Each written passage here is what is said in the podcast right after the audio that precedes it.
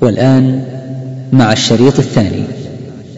الحمد لله رب العالمين وصلى الله وسلم وبارك على نبينا محمد وعلى آله وصحبه أجمعين.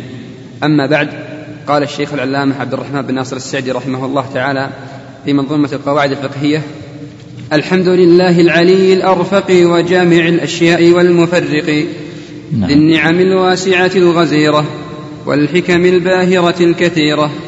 ثم الصلاة مع سلام دائم على الرسول القرشي الخاتم وآله وصحبه الأبرار الحائز مراتب الفخار. اعلم هديت أن أفضل المنن علم يزيل الشك عنك والدرن ويكشف الحق لذي القلوب ويوصل العبد إلى المطلوب. فاحرص على فهمك للقواعد جامعة المسائل الشوارد. لترتقي في العلم خير مرتقى وتقتفي سبل الذي قد وفقا وهذه قواعد نظمتها من كتب أهل العلم قد حصلتها. جزاهم المولى عظيم الأجر والعفو مع غفرانه والبر. والنية شرط لس يكفي هذا. لو تقرأ لنا بيت بيت عن ذلك من الأول الحمد لله العلي الأرفق. وجامع الأشياء والمفرق. بسم الله الرحمن الرحيم. الحمد لله والصلاة والسلام على رسول الله. أما بعد فهذا أوان الشروع في شرح هذه المنظومة المختصرة الميسرة. وهذه الأبيات العشرة التي سمعتموها هي مقدمة بين يدي المقصود.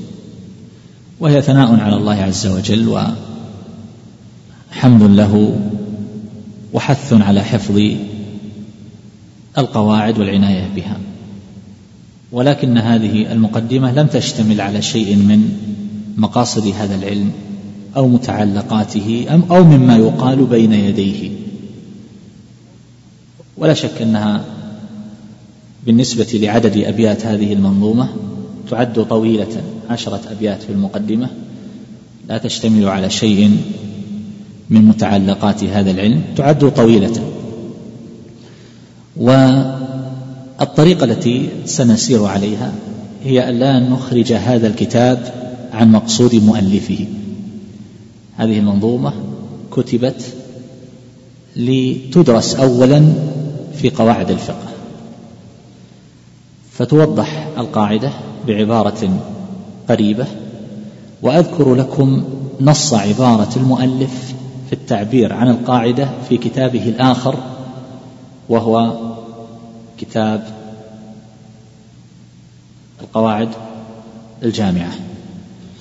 وذلك أن الشيخ رحمه الله ذكر هذه القواعد هنا على طريقة النظم. ومعلوم أن النظم يحوج صاحبه إلى ارتكاب بعض الأمور التي لربما لا يلجأ إليها في النثر لضروره لضرورة الشعر. فإن مجال الشعر أضيق من مجال النثر فيحتاج إلى أن يراعي الوزن وما إلى ذلك مما قد لا يتحقق معه الدقة المطلوبة التي يحتاج إليها في دراسة علم دقيق كعلم القواعد. ولذلك فإن القواعد كما ذكرت لكم بالأمس من أهل العلم من يزن فيها الحرف في التعبير عنها. فيقصد بعباراتها الاختصار والإيجاز وأن تكون عبارة شاملة جامعة قدر قدر المستطاع. فإذا وضعنا ذلك على طريقة النظم فإننا نحتاج إلى أمور لا نحتاج إليها على طريقة النثر ولذلك لو سألت وقلت ما هو أبعد العلوم من حيث الحاجة إلى نظمه أقول علم القواعد علم القواعد. للسبب الذي ذكرته قاعدة تحتاج إلى أن توزن العبارة فيها بدقة. فإذا نظمت ألجأنا ذلك إلى أمور لمراعاة النظم. فسأشرحها شرحا سهلا ميسرا يوضح المقصود وما تحتاجون إليه من الفوائد اللائقة بهذا المتن دون أن نحول هذا المتن إلى موسوعة في فن القواعد. فهذا خطأ. نحن نشتط في كثير من الأحيان حينما ندرس متنا مختصرا فنحول هذا المتن الذي قصد به المؤلف في الإيجاز والتقريب نحوله إلى موسوعة علمية. فإذا كان هذا هو المقصود فلندرس كتاب الأشباه والنظائر للسيوطي أو ندرس كتاب الحافظ بن رجب في القواعد ولنرح أنفسنا ومن معنا. فهذه طريقة في التعليم ينبغي أن ندركها جيدا. ولذلك لا تعتبر دراسة هذه القواعد هنا في هذا المتن أنها دراسة نهائية بالنسبة إليك. لمن لا يريد التخصص في العلم سيتصور معاني هذه القواعد سيستفيد منها في تطبيقات في أشياء في أمور تمر به. سينتفع انتفاعا كثيرا بإذن الله عز وجل. لكن من أراد أن يواصل في العلم فهو سيدرس هذه القواعد إن شاء الله مرات ومرات بطرق أوسع على ما هو معروف من التدرج في طلب العلم. وكذلك في دراسة هذا المتن ستكون العناية بالمقصود فقط. أما الطريقة القاتلة التي تتابع الناس على دراستها في كثير من الأحيان مما يقطع الناس عن المقصود فهذا مرفوض تماما. يعني لو أردنا أن ندرس على الطريقة طريقة الحواشي والطريقة التي تجعل المتن الواحد الصغير يدرس في قرون متطاولة نحتاج نقول الحمد لله العلي الأرفق. قوله الحمد ال للاستغراق. ودخلت على الحمد وهذا يدل على إضافة جميع المحامد لله عز وجل. وإضافة جميع المحامد لله عز وجل يدل على أنه الكامل من كل وجه لأنه لا يكون الحمد المطلق إلا لمن كان له الكمال المطلق. و ال هنا تدل على الاختصاص لأن ال تأتي للاختصاص آه، اللام الحمد لله للاختصاص. لأن اللام تأتي للاختصاص وتأتي للملك وتأتي للاستحقاق. عفوا هنا هي للاستحقاق. تأتي للاستحقاق وتأتي للملك وتأتي للاختصاص. والحمد إضافة المحامد. وقيل هو الثناء وهو غلط. وذلك للحديث الذي ورد في الفاتحة إذا قال العبد الحمد لله رب العالمين قال حمدني عبدي. قال الله حمدنا. وإذا قال الرحمن الرحيم قال أثنى علي عبدي. فالحمد على القول الراجح هو تكرار. فالثناء هو تكرار الحمد ثانيا. وما الفرق بين الحمد والشكر؟ بينهما عموم وخصوص مطلق. وما معنى الخصوص العموم والخصوص المطلق؟ وما الفرق بينه وبين العموم والخصوص من وجه؟ نعم. ثم ما الفرق بين الحمد والشكر؟ وما الفرق بين الحمد والمدح؟ وما الفرق بين الحمد والثناء؟ وما الفرق بين الحمد وسلسلة طويلة من الكلام الذي لا حاجة إليه الدرس في قواعد الفقه. هذا إذا ما كان في بسملة في بسملة في بداية الشرح. تعال خذ الكلام على الباء لوحدها بس. والاسم واشتقاق الاسم بسم الله. وكلام طويل. هذا هذه الطريقة يا إخوان غلط. غلط غير صحيحة. الطريقة الصحيحة أن يوقف عند الشاهد. هنا إذا في كلمات غريبة تشرح. يبين المراد بها بأقرب طريقة. أما تشقيق الكلام والعبارات هذا الذي يقطع الطريق على طلبة العلم ويطول العلم ويجعله بعيد المنال وصعبا والناس يستمعون ويقولوا هذا العلم لا يصل إليه إلا الواحد بعد الواحد. هذا الكلام غير صحيح. العلم سهل ومبسط ويسير. فهنا الناظم رحمه الله يقول الحمد لله العلي الأرفق وجامع الأشياء والمفرق يضيف المحامد إلى الله عز وجل ويثني عليه بما هو أهله فابتدأ بالحمد وهو شيء لا شك حسن. والحمد لله العلي الأرفق والأرفق ليس من أسماء الله عز وجل لكن في باب الخبر يتوسع ما لا يتوسع في باب الأسماء ولا في باب الصفات. ولو أنه استبدل هذه العبارة بغيرها فجاء باسم يناسب العلي مثلا لأنه ذكر اسما من الأسماء فلو أعقبه باسم آخر فقال الحمد لله العلي الأعظم مثلا. فعلى كل حال الأمر في ذلك سهل ويسير. وجامع الأشياء والمفرق. جامع الأشياء والمفرق. الله عز وجل يجمع الناس في يوم لا ريب فيه.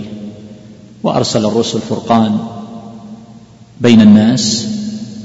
وعلى كل حال المعنى لا خفاء فيه.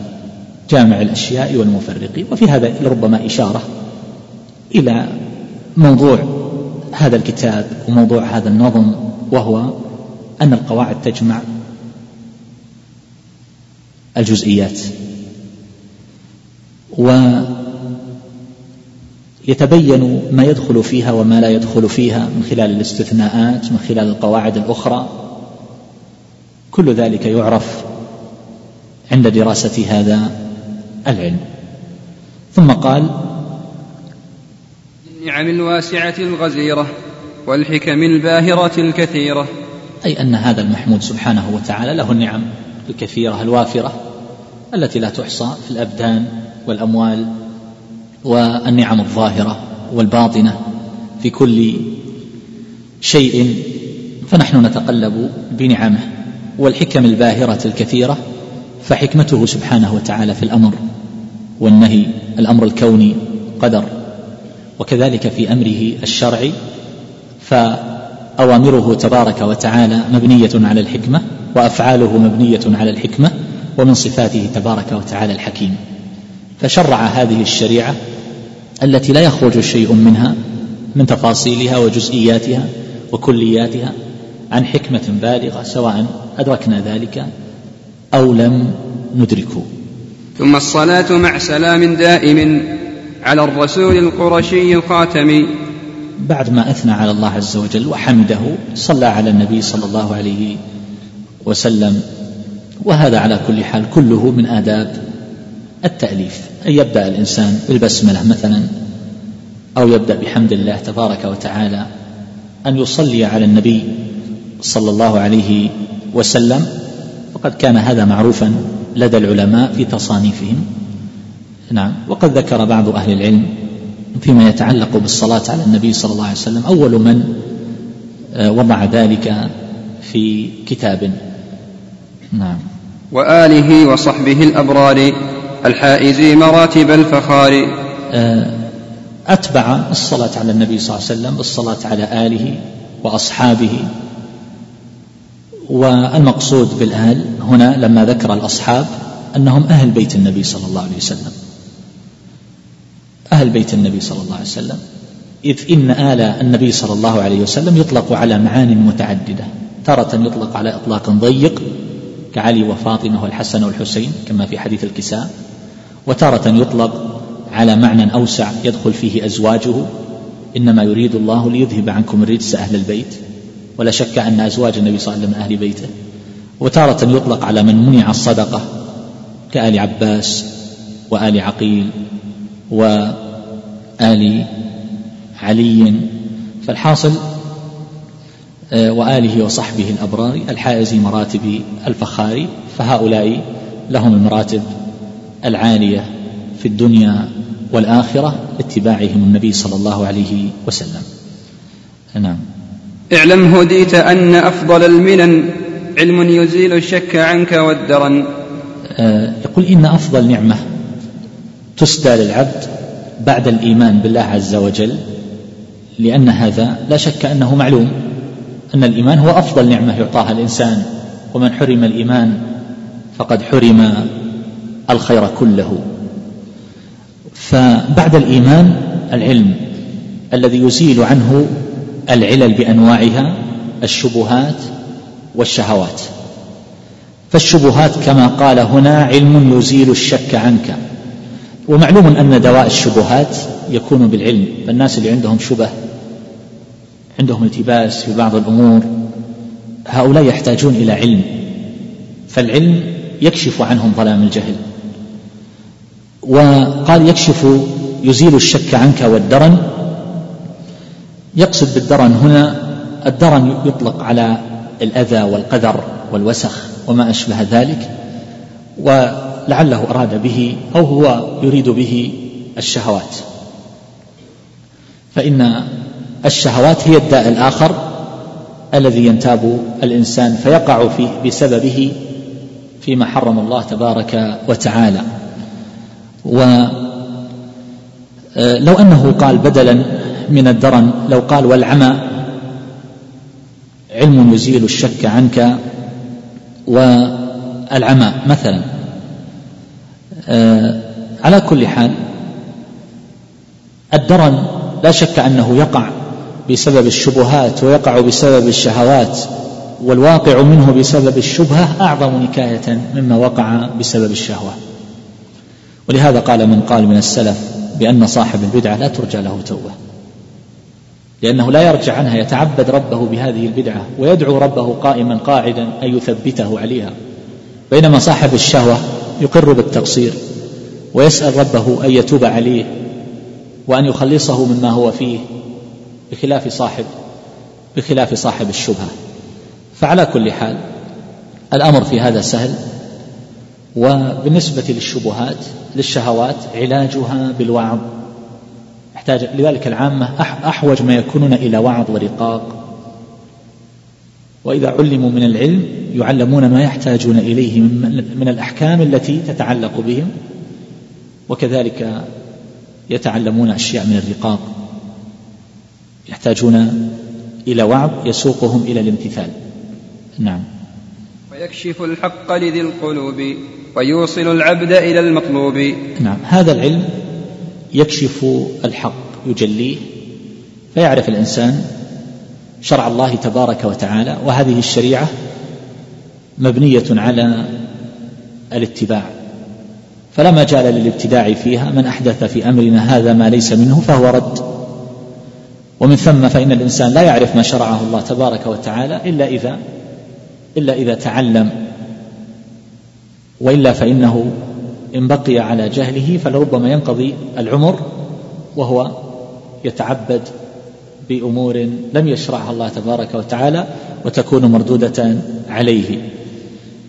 آه، يكشف الحق لذي القلوب القلوب جمع وذي مفرد. فالأصل أن يقال لذوي القلوب لأصحاب القلوب ليكون الكلام متلائما متناسبا ولكنه احتاج إلى ذلك بسبب النظم. ويكشف الحق لذوي القلوب لكن البيت ينكسر بهذا. ويوصل العبد إلى المطلوب. يعرف العبد الحق الذي شرعه الله فيمتثل ويعرف تفاوت الأعمال. ما هو الأفضل؟ ما هو واجب الوقت؟ ما هو الأكمل؟ بر الوالدين واجب. والحج مندوب لمن أدى الفرض.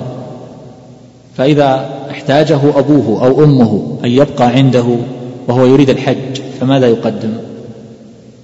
إذا تزاحمت عنده المصالح كما سيأتي أو تزاحمت المفاسد لا بد من ارتكاب أحد الضررين فماذا يصنع؟ كل هذا يحتاج إلى العلم يحتاج إلى معرفة خير الخيرين وشر الشرين. ولهذا شيخ الإسلام تيمية رحمه الله يقول ليس الفقيه الذي يعرف الحرام من الحلال وإنما الفقيه الذي يعرف أعظم الخيرين. ف آه، بسبب ذلك في مواطن الاشتباه والتزاحم. نعم. فحص على فهمك للقواعد. جامعة المسائل الشوارد. آه، المؤلف يحرض على فهم القواعد التي تجمع له ما تفرق وتشتت من الجزئيات وقد سبق الكلام على هذا وذكر فوائد هذه القواعد. نعم. ترتقي في العلم خير مرتقى وتقتفي سبل الذي قد وفق نعم. يقول بأنك إذا حفظت القواعد أو فهمت القواعد ارتقيت في العلم وهذا صحيح لأن الإنسان إذا عرف القواعد نمت ملكته وصار يبني الأحكام على أصول صحيحة وينطلق من هذه القواعد في التفريع وصارت هذه القواعد تضم له أشتات المسائل وكثيرا من الجزئيات فصار ذلك سببا لإلمامه بكثير من الأحكام مع أنه درس أشياء محدودة يسيرة. وذكرت لكم قول بعض أهل العلم بالأمس حينما يضيق على الإنسان هل يدرس الفروع أو يدرس شيئا من القواعد إما هذا وإما هذا فكان بعضهم يرجح دراسة آه، هذه القواعد لأنها تلم له شعث هذه الجزئيات. وهذه قواعد نظمتها. من كتب أهل العلم قد حصلتها. قال وهذه قواعد والأصل أن القواعد ممنوع من الصرف. أصله آه، على وزن فواعل فلا ينون. الممنوع من الصرف لا ينون لكنه هنا نونه من أجل النظم. هذه قواعد نظمتها من كتب أهل العلم قد حصلتها. يقول هذه القواعد جمعتها من كتب أهل العلم ولا شك أن هذه القواعد موجودة في كتب القواعد وهي متفرقة أيضا في كتب شيخ الإسلام ابن تيمية وتلميذه ابن القيم. نعم.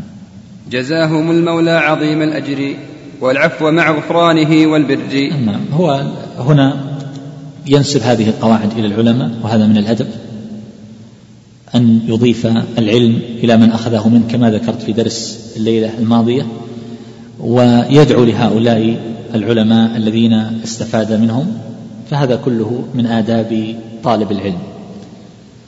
آه، أظن أن الكلام في هذه الأبيات سهل والشيخ من عادته رحمه الله أن كلامه بغاية السهولة والوضوح فلا يحتاج إلى تعقيد بالشرح. فهل هناك عبارة غير واضحة في هذه المقدمة؟ يوجد عندكم عبارة ما فهمتها؟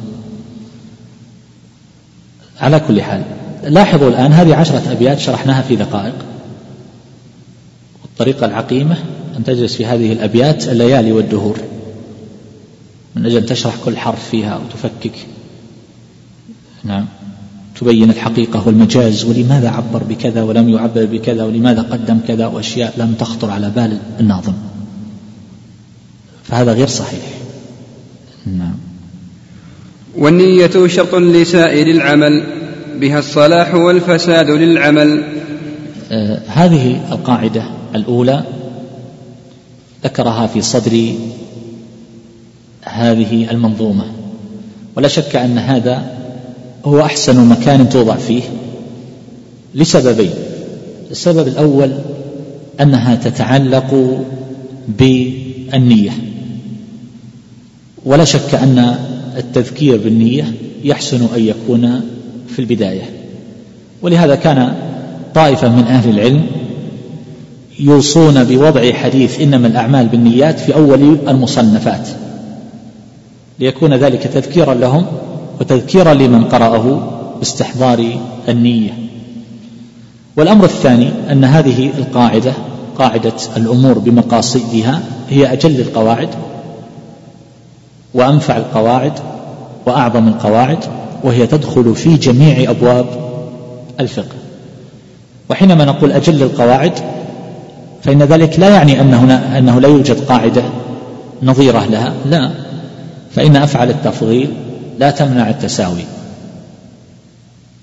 فهذه القاعدة في المرتبة الأولى من القواعد في جلالتها وعظمها ونفعها. هذه القاعدة يعبر عنها العلماء عادة بعبارة مختصرة الأمور بمقاصدها. بلفظين الأمور بمقاصدها. هنا قال والنية شرط لسائر العمل بها الصلاح والفساد للعمل. أي أن أعمال الإنسان مبنية على النية. والكلام في هذه القاعدة يطول جدا ويمكن أن تقام دورة كاملة لشرح فقط هذه القاعدة ولكثرة ما تحتها من القواعد ومن التفصيلات. ولكن على كل حال كل مقام له ما يناسبه كما قلت فشرح مثل هذه المنظومة لا يصح معه إطلاقا أن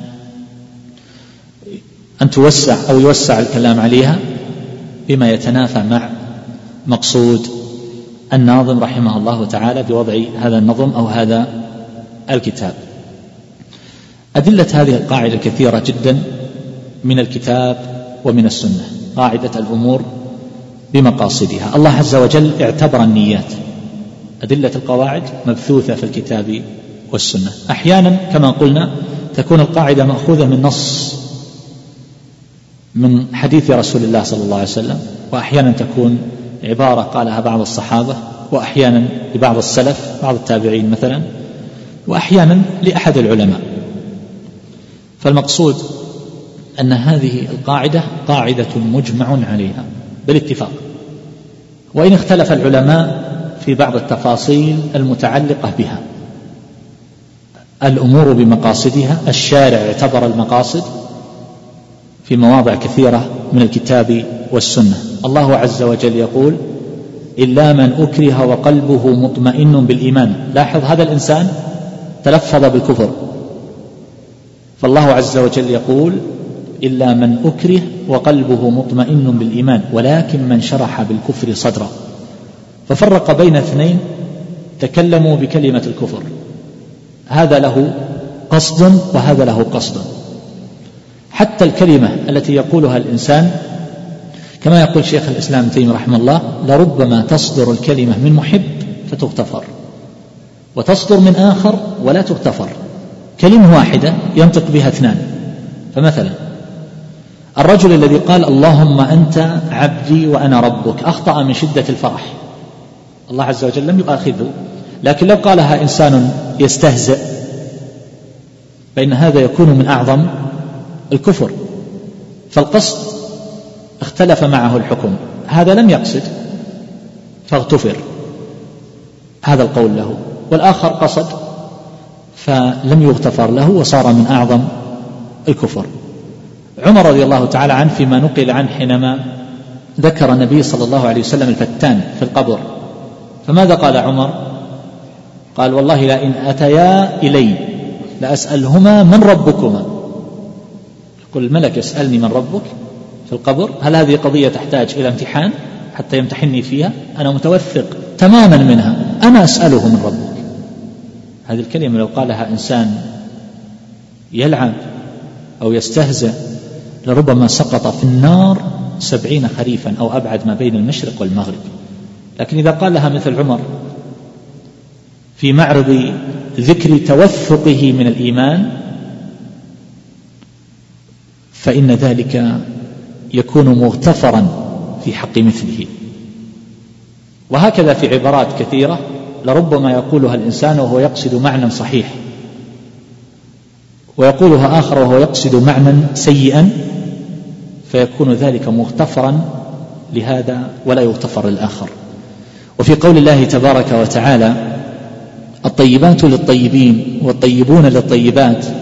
وفي قوله الخبيثات للخبيثين والخبيثون للخبيثات مما ذكره بعض أهل العلم ومنهم كبير المفسرين ابن جرير الطبري رحمه الله وهو جزء من معناها في الواقع أن الكلمات الطيبة ترجع للطيبين في مدلولاتها ومعانيها وآثارها فهي تصدر منهم وإذا قيلت في حقهم فإنها تصدق عليهم. وأن الكلمات الخبيثة تلائم وتليق بالخبيثين فإن قيلت في حقهم صدقت عليهم وإن قالوها فهم أهلها ومنبعها وإذا قال الطيبون كلمة لا تليق فإنها لا تضرهم. هكذا ذكروا. فالحاصل أن هذا مما يدخل في معنى الآية. وهذا كله يرجع إلى الأصل الذي نتكلم عنه وهو الأمور بمقاصدها. أن قصد الإنسان لا شك أنه يؤثر يؤثر في عمله. الله عز وجل يقول وليس عليكم جناح فيما أخطأتم به ولكن ما تعمدت قلوبكم. لما نهاهم عن نسبة هؤلاء الذين الأدعياء إلى غير آبائهم. قالوا ادعوهم لآبائهم هو أقسط عند الله. فإن لم تعلموا آباءهم فإخوانكم في الدين ومواليكم. وليس عليكم جناح فيما أخطأتم به ولكن ما تعمدت قلوبكم. فإذا كان هذا الدعي ينسب إلى غير أبيه واعتاد الناس هذا. فهذا الإنسان سبق لسانه فقال يا فلان بن فلان نسبه إلى غير أبيه. جريا على المعتاد ولم يقصد المخالفة. فإن هذا يغتفر. لكن لو قالها إنسان وهو غير عابئ بأمر الله عز وجل فإنه يكون عاصيا آثما وهكذا. في أمثلة في أمثلة كثيرة.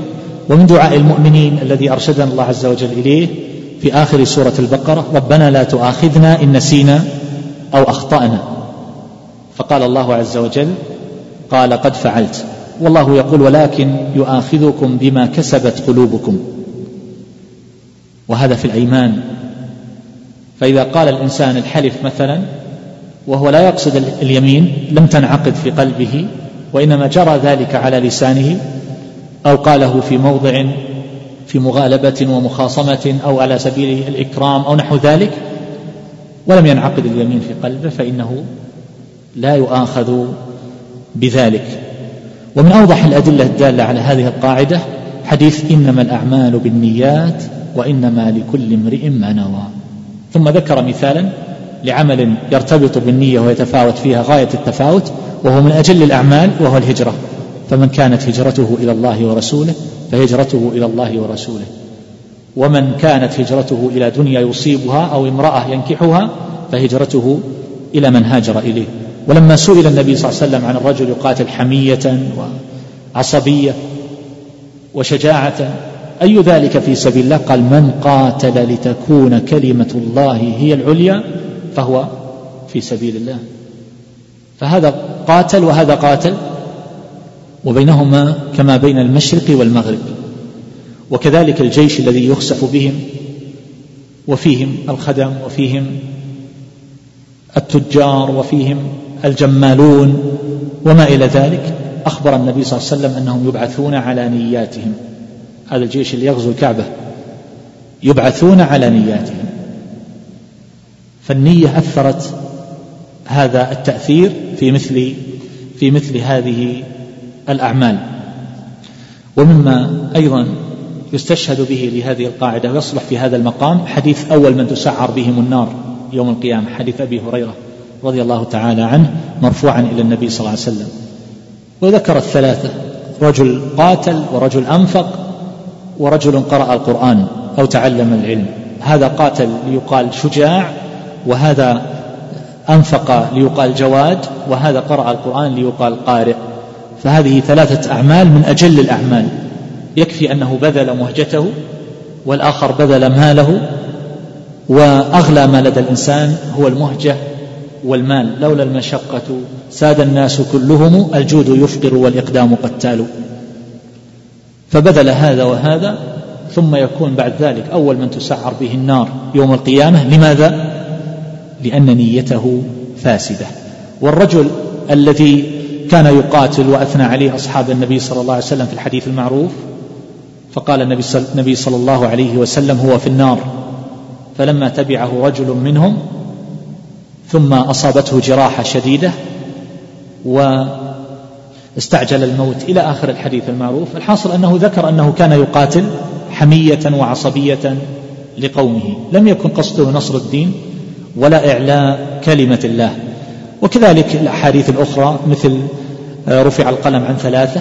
لماذا؟ لأن النية والقصد والإرادة لا تصلح منهم مثل المجنون والصبي والنائم وكذلك آه، أيضا إن الله تجاوز لأمتي عن الخطأ والنسيان وما استكرهوا عليه. آه، فالحاصل آه، فالحاصل أن هذه الأشياء لا, لا, يؤاخذ الإنسان لا يؤاخذ الإنسان عليها. هذه بعض أدلة هذه القاعدة وأدلة هذه القاعدة كثيرة جدا. لكن أنتقل إلى نقطة أخرى. مما يذكر في هذه القاعدة من المعاني المفيدة وهو هذه النية. ما آثارها؟ آثارها لا تحصى. فالنية تؤثر في كون العمل مقبولا أو غير مقبول. فمن كان يرجو لقاء ربه فليعمل عملا صالحا ولا يشرك بعبادة ربه أحدا. أن يكون العمل صواب وأن يكون خالصا لوجه الله عز وجل فالإخلاص مطلوب. فشروط قبول العمل ثلاثة أن يكون على عقيدة صحيحة وأن يقصد به وجه الله تبارك وتعالى الإخلاص والثالث أن يكون العمل صوابا موافقا لما شرعه الله تبارك وتعالى. فهذه ثلاثة شروط في أول سورة الكهف ويبشر المؤمنين الذين يعملون الصالحات. ذكر الإيمان؟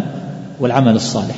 وفي آخرها فمن كان يرجو لقاء ربه فليعمل عملا صالحا ولا يشرك بعبادة ربه أحدا. ونظائر ذلك في الكتاب والسنة كثيرة. فإذا النية تؤثر في قبول العمل في كونه لله أو لغير الله رياء وسمعة وما إلى ذلك. فهذه تؤثرها النية. هذا رجل يصلي لكن قد يصلي لله وقد يصلي لغير الله. وتؤثر النية أيضا في تمييز العبادة عن العبادة. هذا يصلي ركعتين. هل هي تحية المسجد؟ هل هي فرض الفجر مثلا؟ ما هي؟ ما الذي يؤثر في هذا الأمر؟ هو النية. قبل قليل أحد الإخوان يسأل إمام صلى. أو لعله في الليلة الماضية. إمام صلى. وصلى بنية المغرب. وهو مخطئ هو صلى المغرب. أراد أن يصلي العشاء فصلاها بنية المغرب فأتم به الناس إمام المسجد. فصلى بهم ثلاث ركعات فقالوا سبحان الله فقام إلى رابعة. فما حكم صلاة هذا الإنسان؟ وما حكم صلاة هؤلاء؟ هذا كيف يعرف الحكم فيه؟ حديث إنما الأعمال بالنيات. فنحن بهذا الحديث الأمور بمقاصدها قاعدة. نعرف نفرق بين الأعمال. هذه هذا فرض لكن ما هو هذا الفرض؟ صلاة ظهر صلاة عصر. ما هذا الفرض؟ هذه هذا نفل. ما هذا النفل؟ هل هو سنة راتبة أو نفل مطلق؟ هل هو سنة الضحى؟ هذا الصوم الذي يصومه الإنسان هل هو فرض؟ قضاء رمضان مثلا. هل هو نذر؟ هل هو آه، نافلة؟ وهل هو نافلة معينة كالاثنين والخميس الأيام البيض عاشوراء عرفة؟ أو أنه نفل مطلق؟ ما الذي يحتاج إلى نية من هذه الأشياء خاصة في مسألة الصيام أن يبيت الصوم من الليل؟ فالنية إذن تفرق بين العمل اللي لله واللي لغير الله وتفرق بين العمل الذي يكون لله ما هو ما نوعه هل هو فرض أو نفل وإن كان فرضا فمن أي الفروض في أشياء وتفاصيل كثيرة تدخل تحت هذه الجملة. وكذلك النية أيضا تفرق بين العادة وبين العبادة. هذا الإنسان اغتسل. ما هذا الغسل؟ إنسان يقول بأن عليه جنابة. ثم اغتسل ناسيا للجنابة. اغتسل للتنظف هل يجزئه؟ الجواب لا ما يجزئه. لماذا؟ هي قضية واحدة فقط النية. النية. هذا الإنسان اغتسل يوم الجمعة من الجنابة ونسي أن يغتسل للجمعة أن ينوي الجمعة بهذا الغسل. هل يجزئه؟ هذه عبادة وهذه عبادة. لاحظت؟ والعبادة والعادة غسل الجمعة وغسل النظافة. غسل الجنابة وغسل النظافة لو أن الإنسان لم يأكل يوما كاملا نائم أو مشغول أو مريض ما أكل لكنه لم ينوي هل يعتبر هذا صيام؟ لا. لكن لو نوى يعتبر صام يوما في سبيل الله. فالنية هي التي افترق بسببها العمل. لاحظ هذا الإنسان يطلب العلم يقصد وجه الله عز وجل هذه عبادة. وآخر يطلب العلم لأنه يلتذ به يلتذ به. كل ما انفتقت له معاني ومعارف حصل له لذة فهو يتلذذ بالعلم. فعمله هذا ليس بعبادة والآخر عبادة. طيب الأعمال النية أصل في العمل. النية أصل في العمل. ولكنها هل تطلب في جميع الأعمال أو لا؟ ما هي أعمال الإنسان؟ أعمال الإنسان أقوال باللسان أعمال قلبية وأعمال بالجوارح وتروك. كم صارت؟ أربعة أشياء. قول اللسان وعمل القلب وعمل الجوارح والترك. الترك فعل من الأفعال. كانوا لا يتناهون عن منكر فعلوه. فعابهم الله عز وجل وسماه فعلا. وكذلك قول أحد الصحابة حينما كانوا يبنون المسجد في أول مهاجر النبي صلى الله عليه وسلم إلى المدينة حينما كان النبي صلى الله عليه وسلم يحمل اللبن مع أصحابه وهذا قاعد يتفرج فقال لئن قعدنا والنبي يعمل فذاك منا العمل المضلل. فسمى قعوده عن العمل مع رسول الله صلى الله عليه وسلم سماه عملا. سماه عملا. فالحاصل أن هذا كله من العمل. فما الذي يحتاج من هذه الأشياء إلى نية؟ أقوال اللسان تحتاج إلى نية. وهل جميع أقوال اللسان تحتاج إلى نية؟ على سبيل المثال ما لا يقع إلا على صورة واحدة صورة العبادة قراءة القرآن. هل تلتبس مع العادة؟ قلنا الغسل ممكن يغتسل للتبرد والتنظف وممكن يغتسل الغسل الشرعي لكن قراءة القرآن هل تقع على صورتين عادة وعبادة؟ أبدا من قرأ حرفا فله حسنة والحسنة بعشر أمثالها لكنها تحتاج إلى نية أخرى ما هي؟ النية التي تفرق بين العمل الذي لله والعمل الذي لغير الله يحتاج أن يكون مخلص في هذا. وأظن أن هذا هو الفرق والملحظ في هذه المسألة التي بعض العلماء يقولون ما لا يقع إلا على صورة واحدة لا يحتاج إلى نية كقراءة القرآن. وبين من يقول بل يحتاج إلى نية. هو لا يحتاج إلى نية تميزه وإنما يحتاج تميزه عن عن العادة وإنما يحتاج إلى نية تميزه عن العمل الذي لغير الله. أن يتوجه بهذا العمل لله تبارك وتعالى.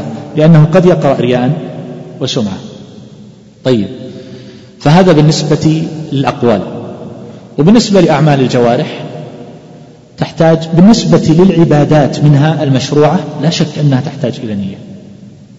لا شك لو واحد يصلي ولم يقصد الصلاة لكنه قصد أن يرضي أن يسكت من أمره بذلك كوالده مثلا وهو لم, لم ينوي الصلاة. هل تكون صلاته صحيحة أو قصد التعليم ولم ينوي الدخول في الصلاة. فما الحكم؟ أبدا. إنسان لبس الإحرام ثم مر بالميقات ولم ينوي النسك أصلا. وذهب وطاف بالبيت وبالصفا والمروة وذهب إلى عرفة وذهب إلى منى ومزدلفة و... هل يعتبر له حج؟ الجواب لا ليس له حج. لماذا؟ لأنه لم ينوي والأمور بمقاصدها إنما الأعمال بالنيات. فأعمال الجوارح على قسمين. قسم منها عبادة مشروعة بصفتها بهيئتها نعم فهذا يحتاج إلى نية. والقسم الثاني هو من قبيل العادات من قبيل العادات. فهل هذه العادات يؤجر الإنسان عليها أو لا يؤجر؟ هل يؤجر عليها؟ لا يقال إنه يؤجر عليها بإطلاق ولا يقال إنه لا يؤجر عليها بإطلاق إلا بالنية. لا شك أنه إن نوى بها هذه الأمور إن نوى بها وجه الله أو معنى يحبه الله عز وجل فإنه يؤجر عليها مثل النوم هو عادة من العادات أليس كذلك؟ لو أنه نام وهو يريد التقوي بذلك على العلم يؤجر ولا ما يؤجر؟ يؤجر. وآخر نام وهو يريد أن يحضر حفلة ماجنة سهرة ماجنة فإنه يأثم على هذه النومة. إنسان اشترى سيارة من أجل أن يذهب بها إلى مجالس العلم ويحضر الدروس يؤجر على شرائها والثمن الذي دفعه فيها وعلى كل خطوة يخطوها. وإنسان آخر اشترى سيارة من أجل أن يلاحق بها البنات.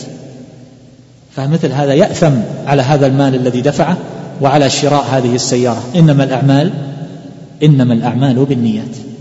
لاحظتم؟ طيب. هذا بالنسبة للعادات.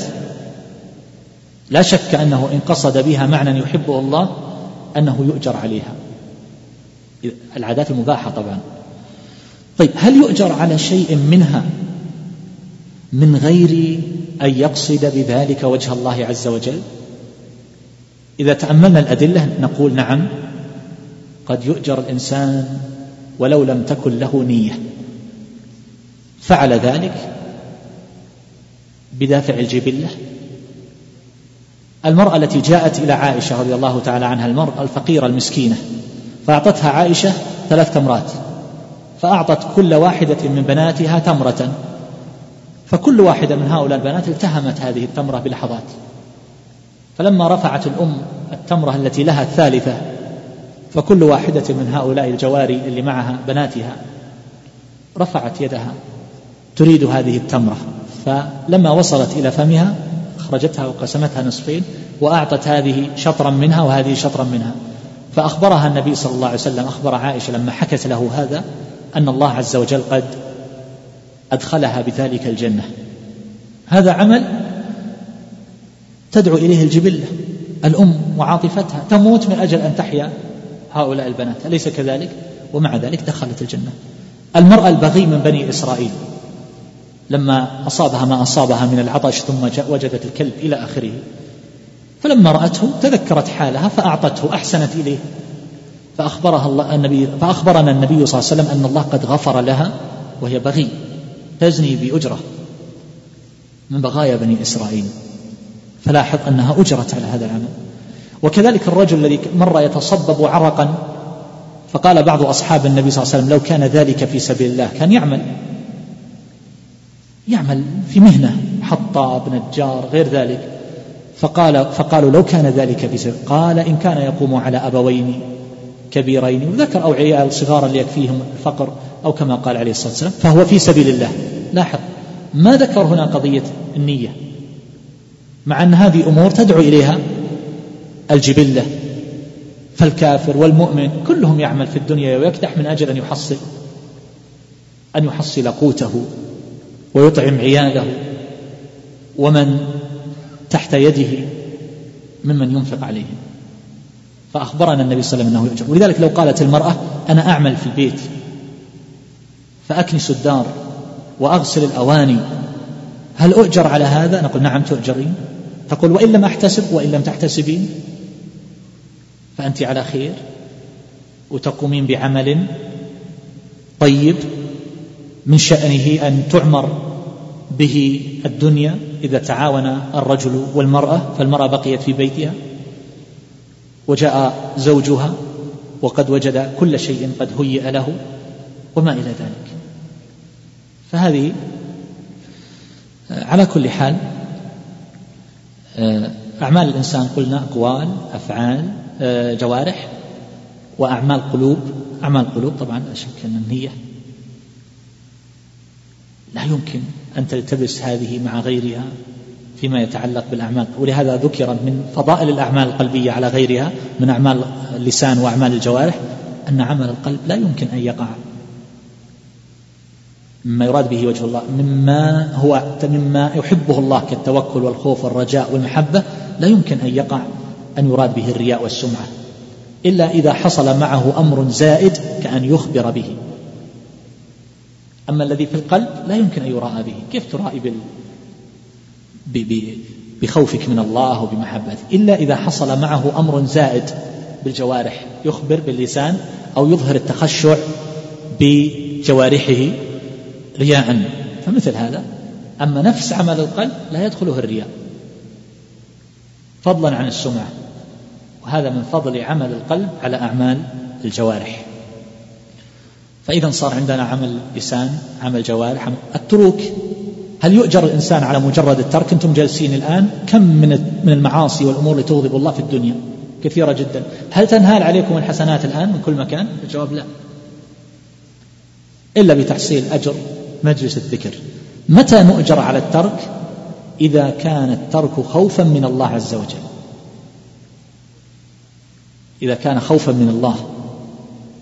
لكن لو أنه ترك خوفا من الناس لا يؤجر. إذا ترك خوفا من الله. وكلما قوي الداعي كلما عظم الأجر. رجل دعته امرأة ذات منصب وجمال فقال إني أخاف الله. فيؤجر الإنسان على تركه هذا مع قوة الداعي له وتهيؤ الأسباب. لكن إذا وجد الداعي القوي والأسباب غير مهيئة ولا يمكنه لا يؤجر. تؤجر على إيش؟ يؤجر على إيش؟ يقول أنا أنا أنا, أنا أتمنى أكون غني ولو حصل لي صفقة ما أخذها. تحصل لك صفقة وحصل لك صفقة أصلا. لكن لو حصلت له صفقة وما أخذها يؤجر. ولا إنسان عايش في جزيرة في البحر لوحده ما عنده أحد ويقول أنا أترك الفواحش خوفا من الله عز وجل. جزاك الله خير. لكن هل حصلت لك تيسرت لك أسبابها أصلا؟ حتى نقول تركتها خوفا من الله. وهكذا. إنسان في هذا المجلس يقول والله أنا غاض بصري. خوفا من الله. غض بصرك الآن؟ عن إيش غض بصرك؟ لكن لو أنه أمامه شيء يستدعي النظر وتدعوه نفسه إلى النظر المحرم فهنا يقال يؤجر على صرف النظر. فالترك إذن متى نؤجر عليه ومتى لا نؤجر عليه إذا تعلقت به النية. هذا في باب التروك. فصارت المسألة فيها هذه التفاصيل. ولذلك من القواعد اللي يذكرها العلماء تحت هذه القاعدة قاعدة لا عمل إلا بنية ليست على إطلاقها. ليست على إطلاق بناء على التفصيل الذي ذكرته آنفا. ومن القواعد التي يذكرون تحتها العبرة في العقود بالمقاصد لا بالألفاظ. آه، على كل حال آه، القاعدة أيضا ليست ليست محل اتفاق. وأما ما يتعلق بمعنى النية يعني كلام الناظم والنية شرط لسائر العمل بها الصلاح والفساد للعمل النية هي القصد. وهل هي بمعنى الإرادة؟ نعم تطلق بمعنى الإرادة وإن كانت الإرادة أعم من النية. إذ إن النية قد تستعمل في العمل الذي يخص الإنسان هو عمله هو والإرادة ما يصدر منه ومن غيره. تقول أريد منك أن تعمل الشيء الفلاني ولا تقول أنوي منك أن تعمل الشيء الفلاني. لاحظتم؟ فالإرادة أوسع من النية. الإرادة نية خاصة بالإنسان. آه عفوا. النية إرادة خاصة بالإنسان والإرادة تختص به وتتعلق بغيره. النية شرط لسائر العمل. شرط لسائر العمل. بناء على التفصيل الذي ذكرناه هناك أشياء لا يشترط فيها لا يشترط فيها النية. نعم لا يشترط فيها. من جهة الثواب عرفتموها. ومن جهة سقوط التبعة رد الديون رد الغصوب. إنسان غصب أرضا أو سيارة رجعها لصاحبها. لو ما نوى وجه الله عز وجل أو ما نوى ردها فأخذها إنسان وردها إلى صاحبها. فإن ذلك يحصل به المقصود وإن لم ينوي لكن إنسان أقرض إنسان مئة ألف ريال أو ألف ريال. ثم تبين هذا الإنسان معجم وعليه ديون ومشاكل وناس يطالبونه ودخل السجن. فالأخ يسأل يقول هل لي أن أحتسبها من الزكاة؟ تحتسب الآن هذا القرض الذي صار على هذا المعسر تحتسبه من الزكاة؟ ما يمكن لأنك أخرجته بنية القرض. فالنية لا تكون ثانيا وإنما تكون في ابتداء العمل. في ابتداء العمل. لكن من الناس من يسأل يقول لي أقارب فقراء ويريدون مني قرضا وأنا عندي زكاة هل أعطيهم؟ بنية الزكاة؟ نقول أعطهم. إن كانوا يقبلون الزكاة. نعم. هذا البيت هل عندكم فيه إشكال في معناه؟ دون الأسئلة الأخرى في ظاهر البيت. طيب. تفضل. الدين مبني على المصالح في جلبها والدرء للقبائح. نعم. آه هذه القاعدة الثانية. ونص عبارة المؤلف رحمه الله في كتاب القواعد الجامعة يقول الشارع لا يأمر إلا بما مصلحته خالصة أو راجحة ولا ينهى إلا عما مفسدته خالصة أو راجحة. وهذه القاعدة من القواعد المتفق عليها وهي من أعظم القواعد وأنفع القواعد. فالشريعة جميعا مبنية على المصالح ودفع المفاسد بل كل الأنبياء عليهم الصلاة والسلام جاءوا بجلب المصالح ودفع المفاسد. ومهمة الدعاة إلى الله عز وجل تكثير المصالح وتقليل وتقليل المفاسد. الدعوة إلى الله تبارك وتعالى من أولها إلى آخرها والأمر بالمعروف والنهي عن المنكر والجهاد في سبيل الله لتكثير المصالح وتقليل المفاسد. فإذا كان ذلك أو شيء منه يفضي إلى تكثير المفسدة على المصلحة فهو ليس من العمل الصالح. بل كان من العمل السيء الذي يذم فاعله. والله عز وجل يقول ولا تسبوا الذين يدعون من دون الله فيسبوا الله عدوا بغير علم. فسب آلهة المشركين لا شك أن فيه مصلحة أليس كذلك؟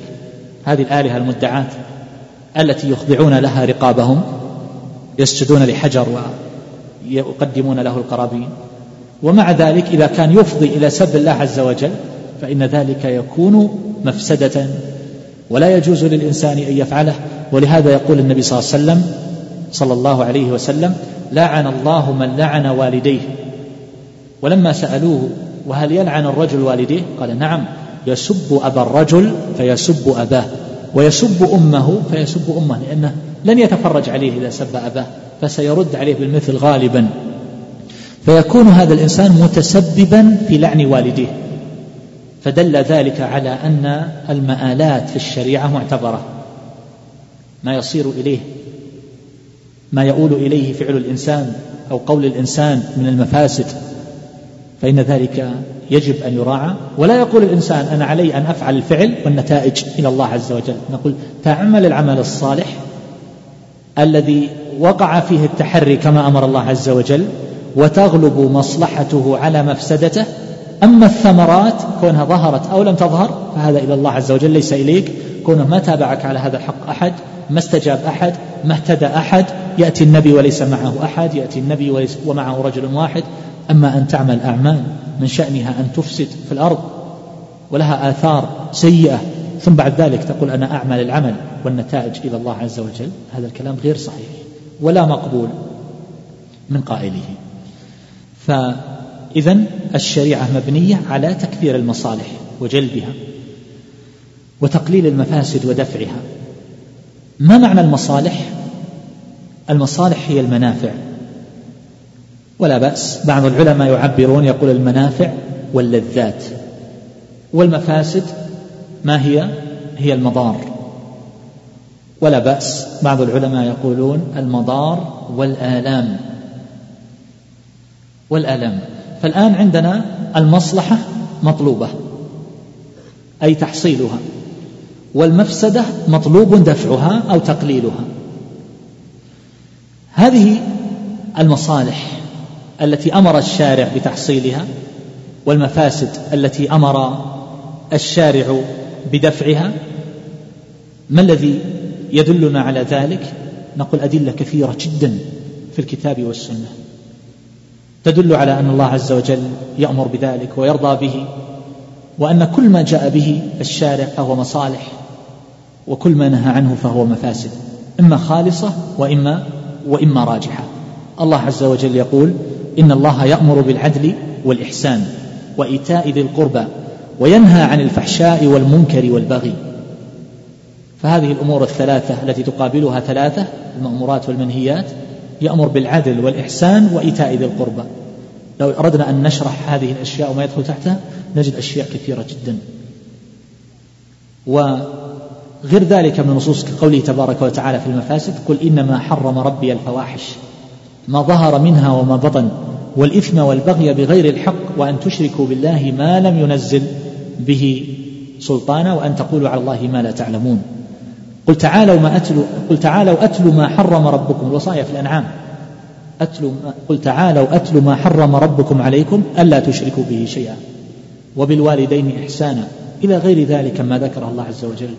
وكذلك في الإسراء وقضى ربك ألا تعبدوا إلا إياه. وبالوالدين إحسانا إما يبلغن.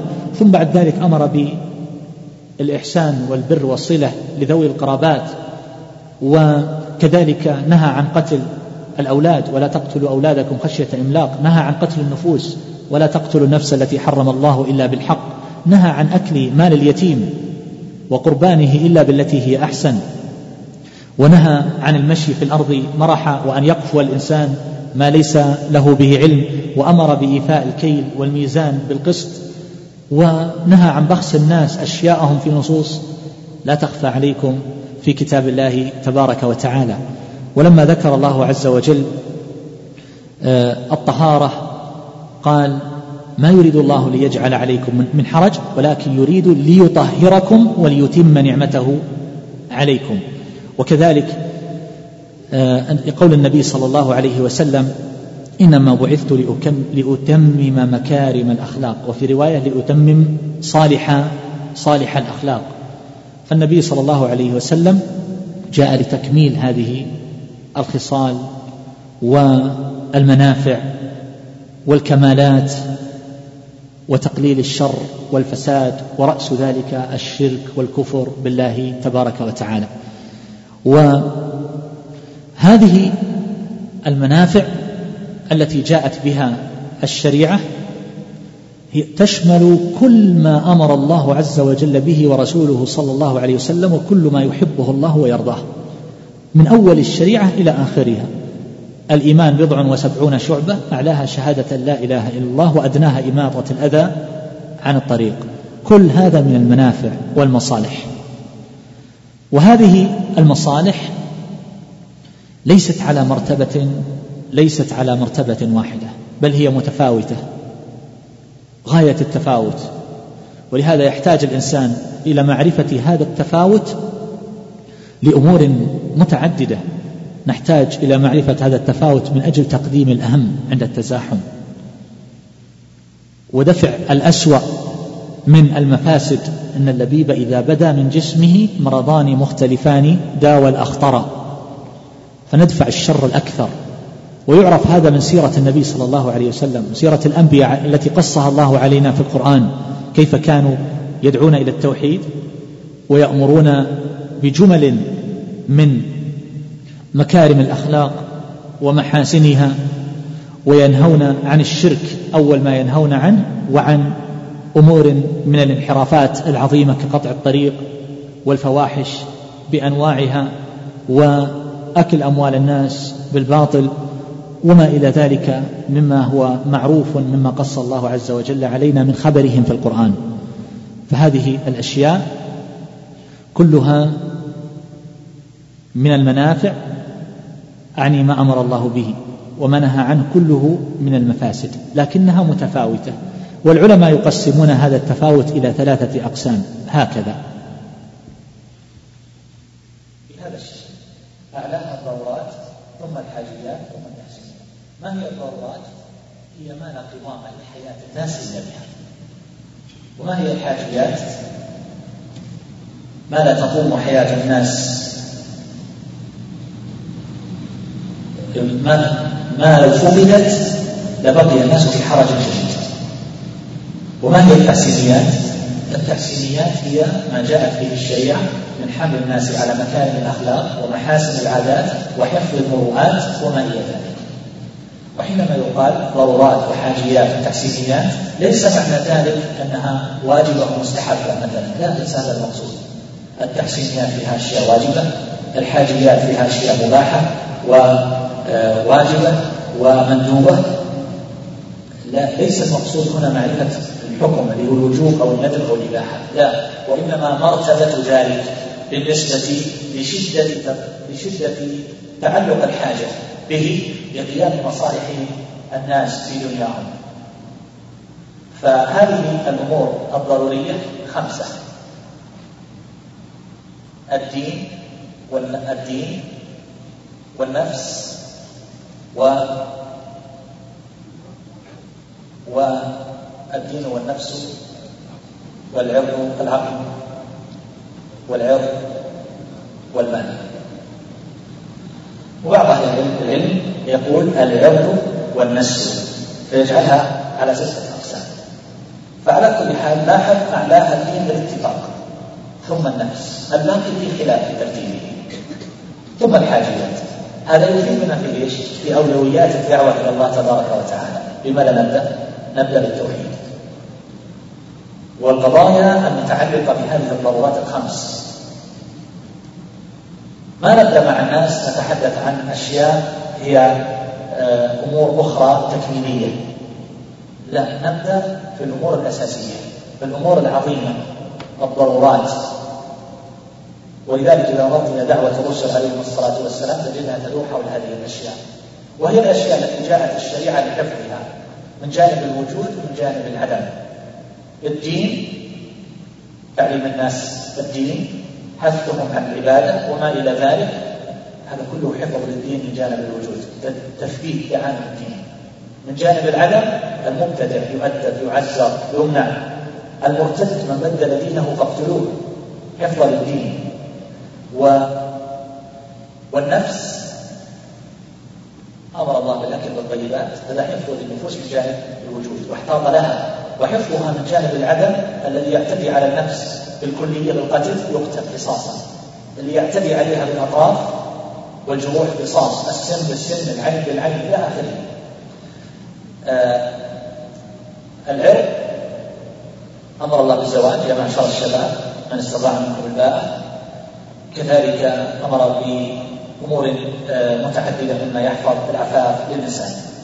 ومن جانب العدم حفظ حفظ الأعراض والفوش والأنساب فالزاني يقتل آه، الزاني المحصن يرجم وغير المحصن يجلد مئة جلدة. والذي يتعدى على أعراض الناس بلسانه بالقذف فإنه يجلد ثمانين جلدة. جلد حد المفتري حدا. هذا العرض والمال أمر الله بتنميته والسير في الأرض والتجارة وما إلى ذلك. هذا حفظه من جانب الوجود ومن جانب العدم بمن اعتدى على المال بالسرقة بشروطها فإنها تقطع يده. هذا بالنسبة لحفظ المال من جهة الوجود ومن جهة العدم. ثم بعد ذلك تأتي الحاجيات. ثم التحسينيات الحاجيات مثل البيع والشراء والمعاملات. الناس ما عندهم بيع ولا شراء. كيف؟ إذا نقلوا المصالح. ما يمكن. يحطهم حرج كبير. لكن هل يموتون؟ التحسينيات هي حملهم على مكارم الأخلاق محاسن العادات إعفاء اللحية. واجبة. لماذا تعفى اللحيه؟ لأنها من الفطرة. لها زينة للرجل. عنوان الرجوله سنن المرسلين. المرأة ليس لها لحية الرجل له لحية. سيما أهل الصلاح والفضل. المرأة في الزواج. الولي أيما امرأة نكحت نفسها بغير إذن وليها فنكاحها فنكاحها باطل. لماذا الولي للمرأة في النكاح؟ وهو شرط. هو من التحسينيات. ليه؟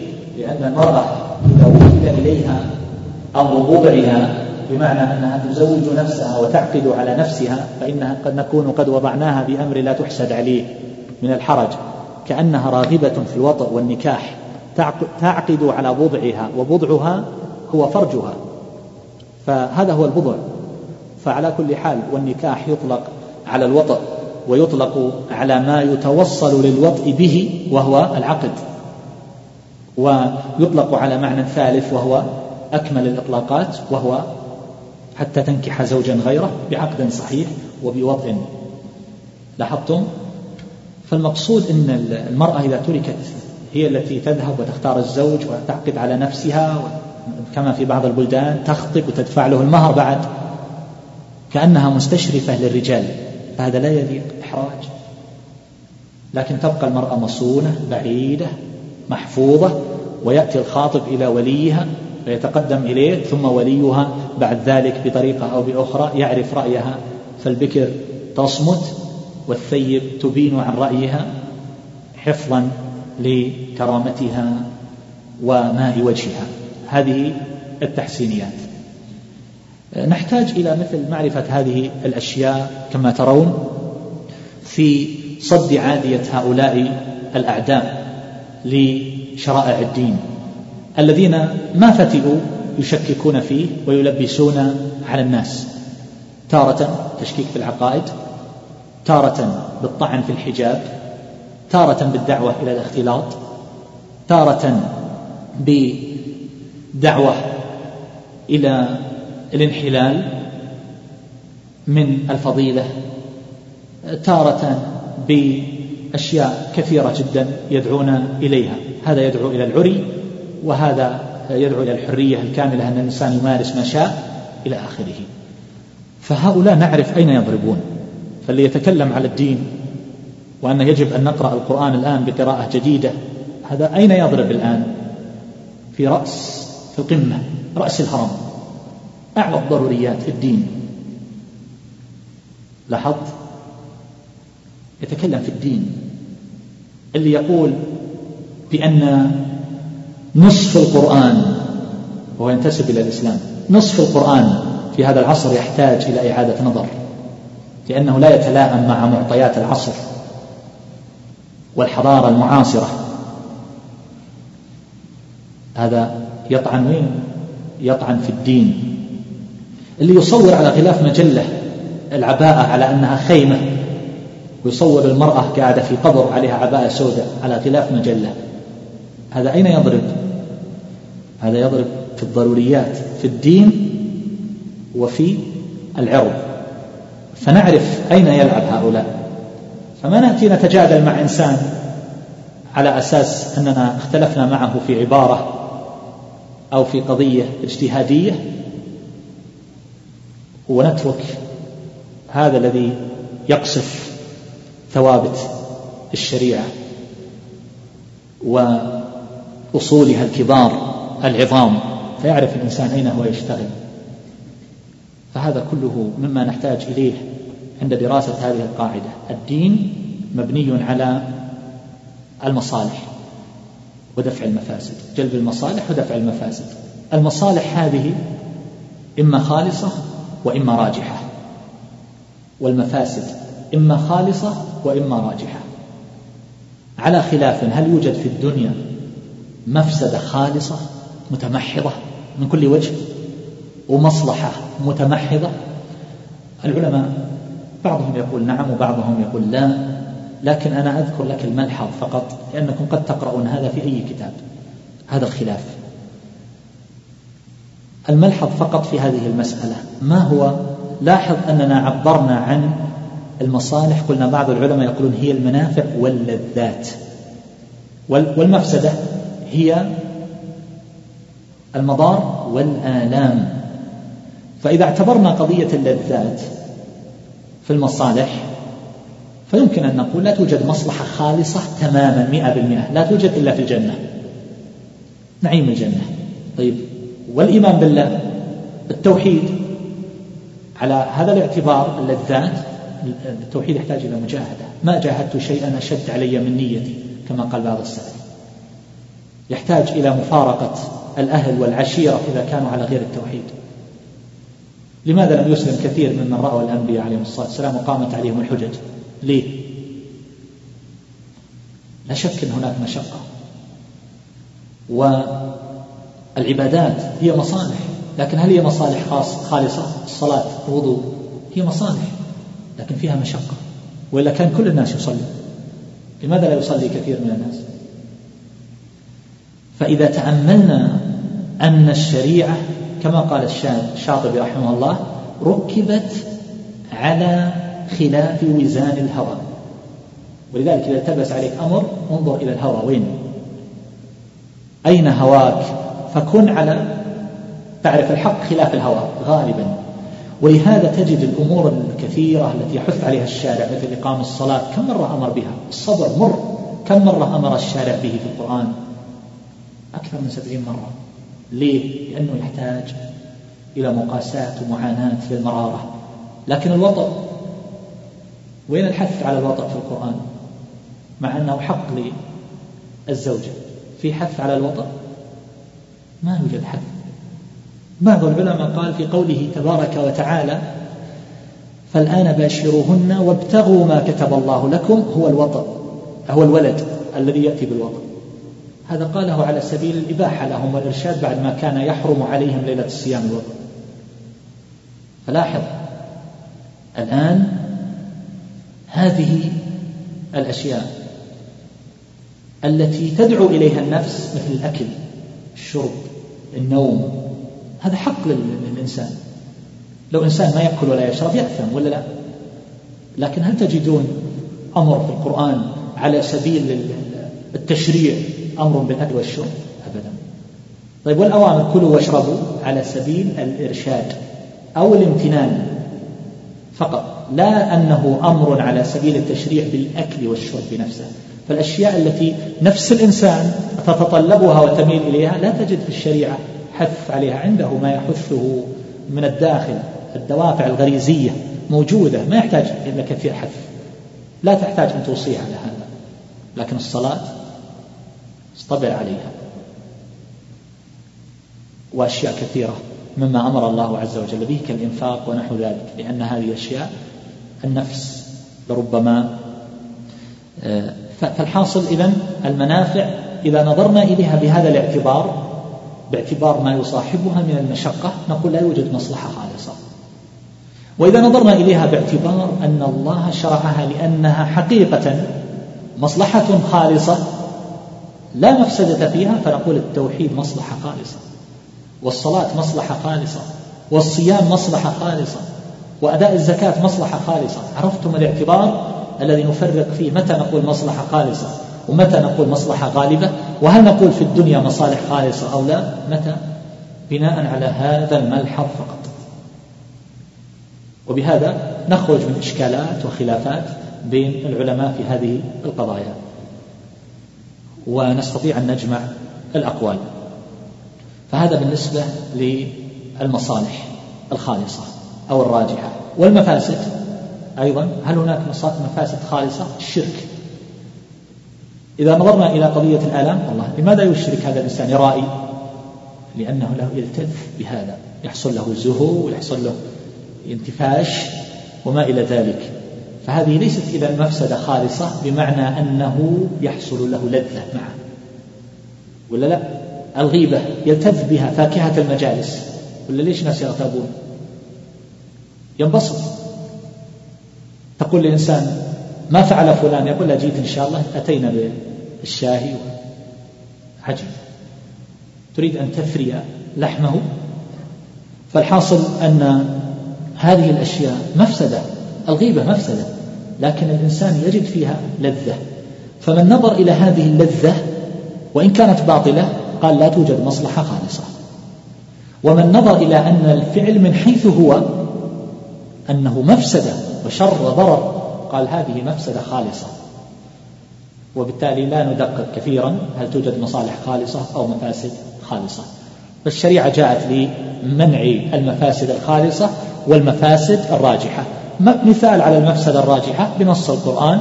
يسألونك عن الخمر والميسر. قل فيهما إثم كبير ومنافع للناس وإثمهما أكبر من نفعهما لماذا الخمر؟ ماذا فيها من المنافع؟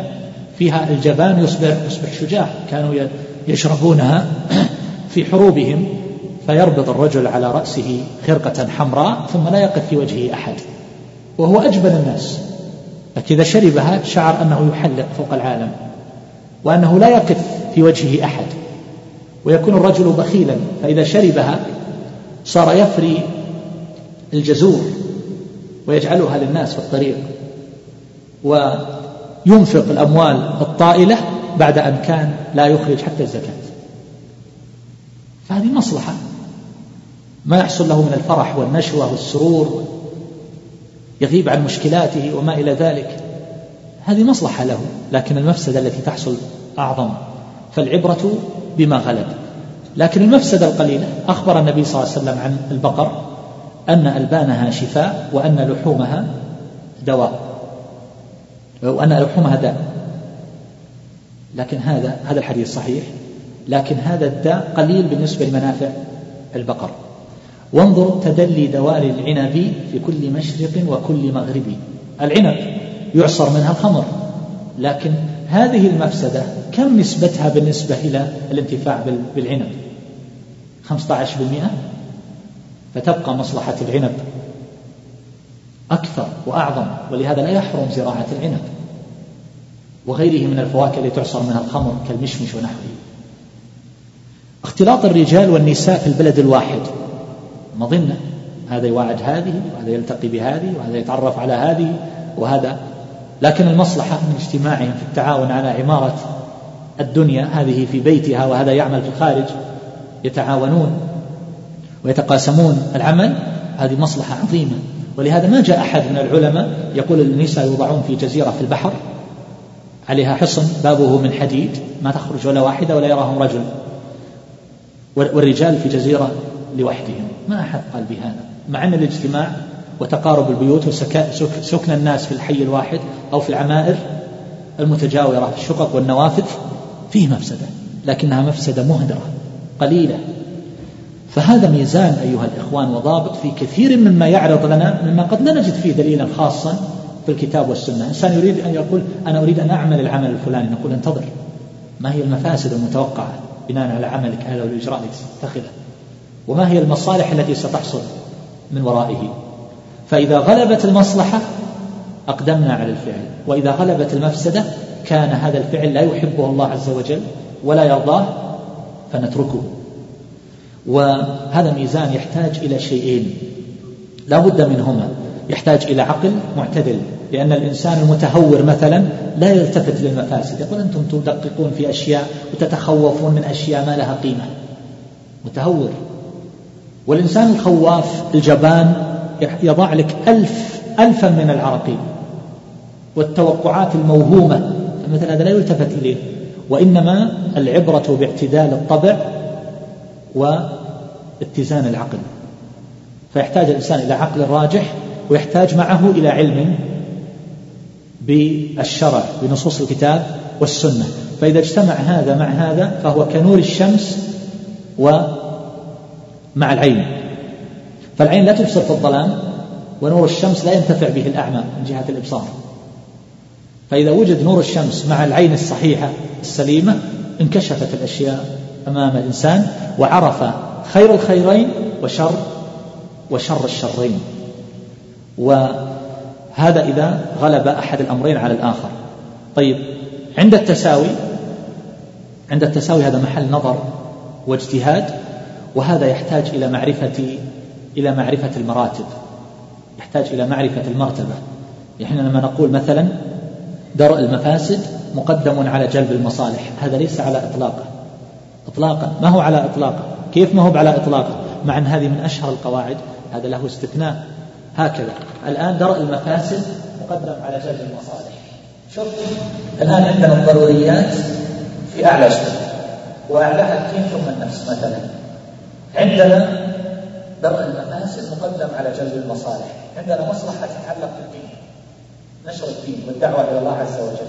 وعندنا مفسدة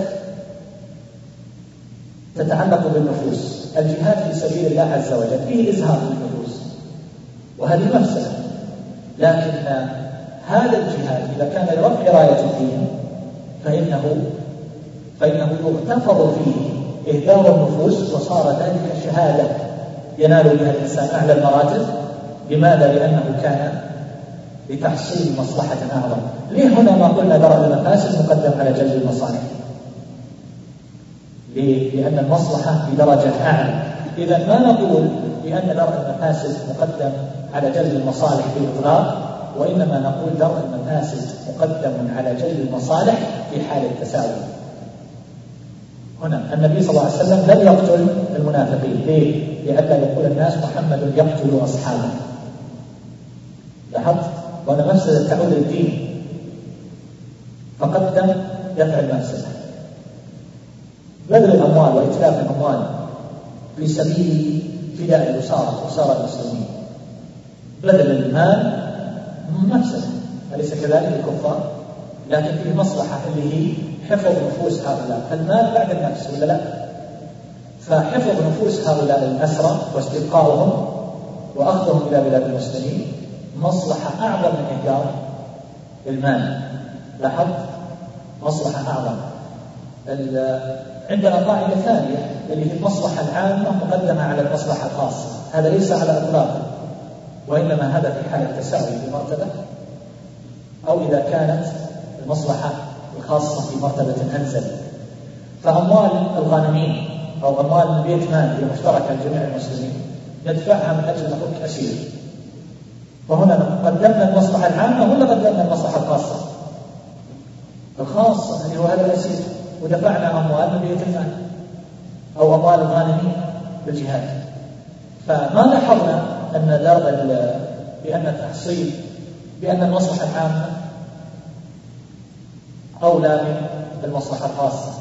ليس على إذا كانت المصلحة الخاصة في سبيل قضية أعلى فهنا ما نقول؟ وهذا في أشياء كثيرة جدا في الدعوة إلى الله عز وجل. أنا لا أريد أن أدخل في كثير من التفاصيل لكن حتى تعرف القاعدة سيطبقها في حياتك اليومية. في الدعوة إلى الله عز وجل الإنسان تريد أن تتألفه وهذا الإنسان يمكن يسبب لك إشكالات كثيرة جدا في عملك تخطب الأوراق ويسبب لك تعطيل في العمل ويسبب لك لكن لو أبعدته قد ينتكس. وهنا هل نقول المصلحة العامة مقدمة على المصلحة الخاصة إنسان هنا يحضر مثلا فوضوي وكل شوي يقاطع وكل شوي يبغى يسأل وكل شوي أنتم مزعجين جدا كله لا يحضر لو قلنا له لا يحضر ينتكس فهل نقول المصلحة العامة مقدمة على المصلحة الخاصة؟ نقول لا ليه؟ لأن هذا حفظ لدينه لاحظت؟ فمصلحته الخاصة مقدمة على مصلحتكم العامة وليس هذا على إطلاق أن المصلحة العامة مقدمة على المصلحة الخاصة هذه القواعد لها استثناءات وكل هذا يتعلق بقاعدة الأمور بقاعدة المصالح والمفاسد وهي من أجل القواعد وتدخل في جميع في جميع الأبواب. في جميع الأبواب. آه، مما يدل على تفاضل الأعمال. حديث إنما الأعمال حديث الإيمان بضع وسبعون شعبة. الحديث الآخر رجل يسأل النبي صلى الله عليه وسلم أي الأعمال أفضل؟ قال إيمان بالله. قال ثم ماذا؟ قال بر الوالدين. قال ثم ماذا؟ قال جهاد في سبيل الله. فجعله على هذه المراتب. فصار بر الوالدين أعظم من الجهاد. فما بالك بالأعمال الأخرى؟ إنسان يريد يعتمر تطوعا أو يحج تطوعا أو يجاهد تطوعا وأبوه يمنعه من ذلك. فهذا كله يدل على تفاوت هذه الأمور. وكذلك المفاسد متفاوتة. حديث ابن مسعود رضي الله عنه في الصحيحين أي الذنب أعظم؟ قال أن تجعل الله ندا وهو خلق وهو خلقك. قال ثم قيل له ثم أي؟ قال أن تقتل ولدك خشية أن يطعم معك. قال ثم أي؟ قال أن تزاني بحليلة جارك. فالزنا بالمرأة البعيدة غير الزنا بالمحارم غير الزنا بزوجة الجار أو بنت الجار. الذي يطلب حفظه ورعايته وما إلى ذلك. وهكذا في أمور في أمور كثيرة. آه، هنا المؤلف بعد ذلك آه، ذكر قاعدتين آه، تتعلقان بهذه القاعدة. أذكرها فيما بعد. على كل حال وقد لا نحتاج إلى كثير من هذه التفاصيل في كثير من القواعد الآتية لكن قاعدة الأمور بمقاصدها وهذه القاعدة الشريعة مبنية على تحصيل المصالح من أجل القواعد ومن أنفع القواعد. آه، لعلي أتوقف عند هذا.